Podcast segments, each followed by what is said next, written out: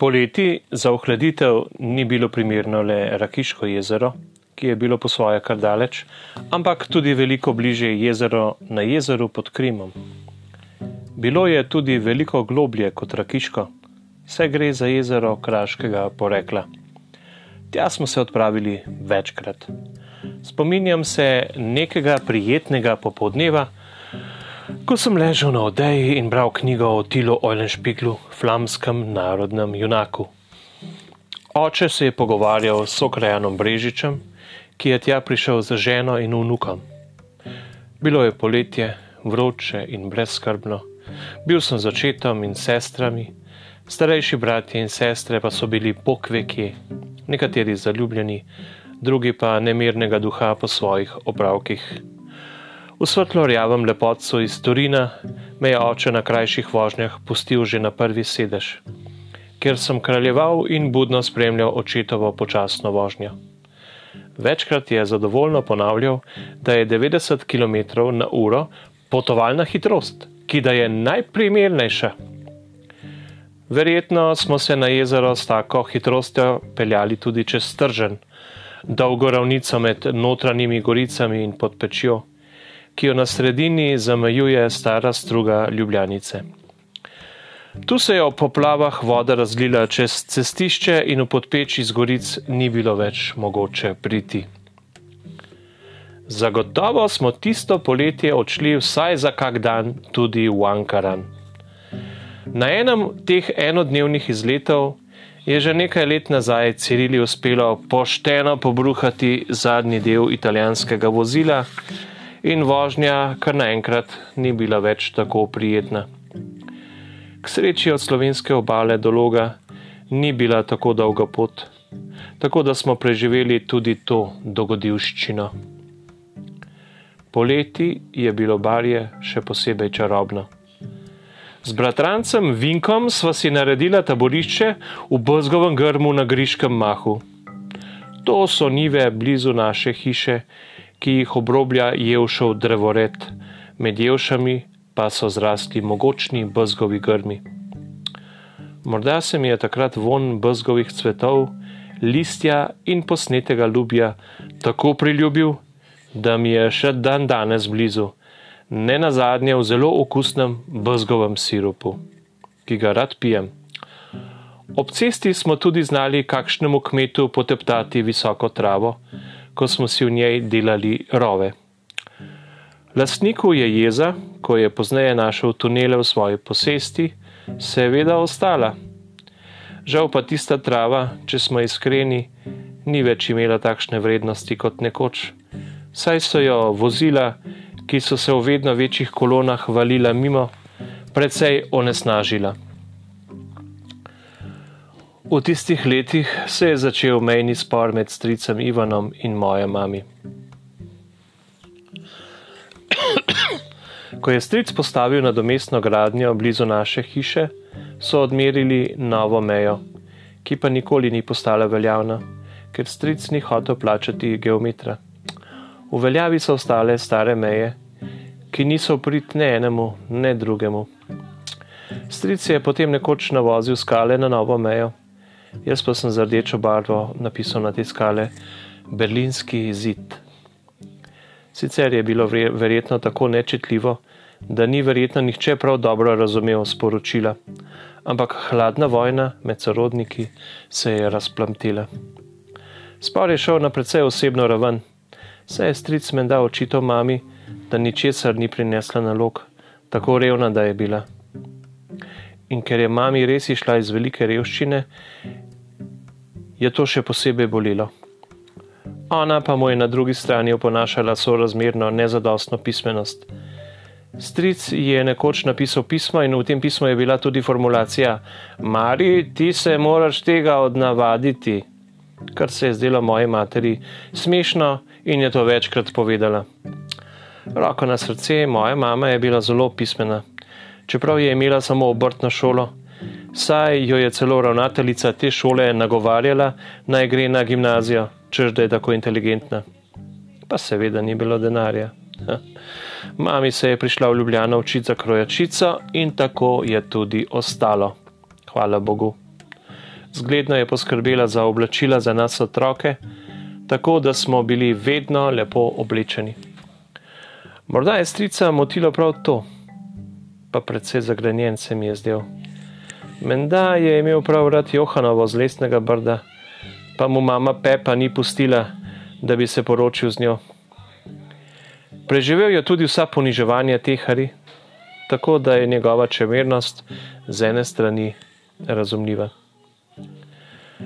Ta spor je pustil globoko rano v moji duši, saj sem ga doživljal v najbolj občutljivih letih pubertete. Bratranec Vinko, s katerim smo preživeli otroštvo in se bolj ali manj kar dobro razumela, je kar naenkrat postal sel, ki je k nam hodil z dokazili, da je košček parcele, ki ga je odrezala železnica, pa nosi isto parcelno številko kot naša stavbna parcela, njihov in ne naš. Stric Ivan je namreč podedoval kmetijo, saj je bil najstarejši od preostalih otrok. Brata Tončka, ki je bil domobranec, so likvidirali v rogu, Francku, ki je prav tako pripadal slovenski narodni vojski, je uspelo z Koroškega pobegniti v Italijo in potem je odšel naprej v Argentino. Spor okoli Vogalčka je bil druga boleča točka v naših odnosih. Ob gradni avtoceste je to parcelo odkupila skupnost za avtoceste in starša nista prav veliko dosegla pri uveljavljanju pravice do tega koščka nekdanje Bridovčarjeve posesti. V tej ustanovi so bili tudi precej porogljivi do njunih prizadevanj, saj kakor je razbrati iz zapisa, ki sem ga našel med materinimi dokumenti po njeni smrti. Skratka, nekoč sem Vinku, ki je prišel k nam precej dobro namerno, da mi dokaže njihov prav, zelo putni vrata. Vendar mu je uspelo še ustaviti nogo, da mi je povedal še nekaj nadaljnih besed. Sicer so se čustva s časom umirila, vendar do prave sprave med sosedi ni žal nikoli prišlo. Vinko mi še dan danes pravi sosed in ne naprimer žlahta. Sosedova hiša je bila precej novejša kot naša in je imela tudi drugačno razporeditev prostorov. V garaži je bil parkiran traktor iz beograjske tovarne IMT s popularnim imenom Ferguson, ker je bil izdelan po licenci te angliške tovarne. So pa imeli tisti čas pri stricu tudi še konje po imenu Cveto. In od takrat so vsi konji zame malo cvetoti. Spominjam se, da sem šel kdaj sosedovimi tudi kam na nivo, naprimer v srednje blato pri Kostanjevici ali za Medvedico, pa da sem bil potem deležen tudi njihove malice, mastne domače klobase. Mali se stradani Rusov fantič se je vsakega takega priboljška nad vse razveselil, posebej mesenih radosti. Pri tortah in slaščicah pa so bile moje sestre boljše kot sestrična Marinka. Najprej Metka, potem pa Marička in Cirila, ki sta zvesto ohranjali sestrino dediščino. Posebej radi sta pekli puding, Enkrat pa je Cirila naredila čudovito torto iz jagodne kreme iz vrečke, ki je rešila njenega mlajšega brata pred smrtjo od dolgočasja. Bil je siv, je meglen pozno jesenski dan. Na televiziji smo gledali smučarske skoke in bil sem na robu duševnih moči. Seveda sta bila enako ješča tudi moja bratranca Vinko in njegov mlajši brat Marjan. Slednji je nekoč starejšemu bratu Janezu, ki si je za prvo plačo privoščil kar precej sladkari in jih skril ter zaklenil nekje v svoji sobi, pojedel kar precej kosov te skrite zaloge. Janko je takrat verjetno kar besnil. Nekoč sva z Vinkom organizirala tudi nekakšno novoletno zabavo in kupila tudi nekaj priboljškov, pa je levi delež odšel v Marjenov želodec. Prvotni načrt je bil, da se nam pridruži tudi Boštjan Geoheli iz bližnje Martinove hiše, pa ga doma niso pustili. Vinko je takrat na Bovšem trgu v Ljubljani kupil zanimivo mehansko igrico, kjer si dirkal z malim avtomobilčkom, mimo katerega se je premikal trak s cesta. To je bila le ena od bratrančevih kupči. Takrat si, kupil, si je kupil tudi komplet ključov Gedore. Nikaj, že takrat je bil podjeten in spreten trgovec. Žal pa sem jo moral večkrat podsvirnati domov. Pri stricu Ivanu se je namreč delalo veliko več kot pri nas. In vedno se je našlo kakšno delo, tako da so bili bratranci in sestrična Marinka kar zasedeni. Meni se je veliko bolje godilo. Kakšno pretirano kmečko delo pa mi tudi ni godilo. Zato sem jo kar hitro odsvrl proti domu. Veliko dela, ali morda še več, glede na velikost kmetije, je bilo tudi pri gromu, vendar je bila tam politika drugačna. Narediti moraš to in to, potem pa lahko greš. Jaz nisem imel prav veliko zadolžitev. V soboto sem moral pograbiti po dvorišču, pa če je bilo treba kaj pomesti, oditi po mleko. Pač nismo imeli kmetije in ni bilo takih potreb. Imeli pa smo zajce in kokoši. In ko smo že pri kokoših, tudi sosedove kokoši so se rade priklatile k nam, kar je neskončno znemirjalo moje mami. Pa je oče prišel na idejo, da bi jih prepodil s petardami. Rečeno, storjeno. Vajenec Primoš Dolenec z vrhnike je priskrbel zelene eksplozivne paličice in družno z očetom sta poskrbela, da so jo kokoši ucvrle nazaj k Matiju, kakor smo pravili sosedovim, ker so bili dediči stare rusove domačije. Oče se je veselo muzal.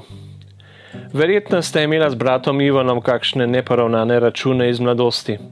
Saj je bil stric Ivan le dve leti starejši od očeta in sta ne mara preživela veliko časa skupaj. Tudi značajsko sta si bila različna, zato je verjetno prišlo med njima do kakšnih nesoglasij in prepirov. Poleg vsega pa je v njuni mladi življenji posegla še vojna. Saj sta v najbolj občutljivih letih izgubila očeta, ki so ga ubili partizani. Ta smrt je vplivala na odnose med brati, sestrami in mamo v tej družini.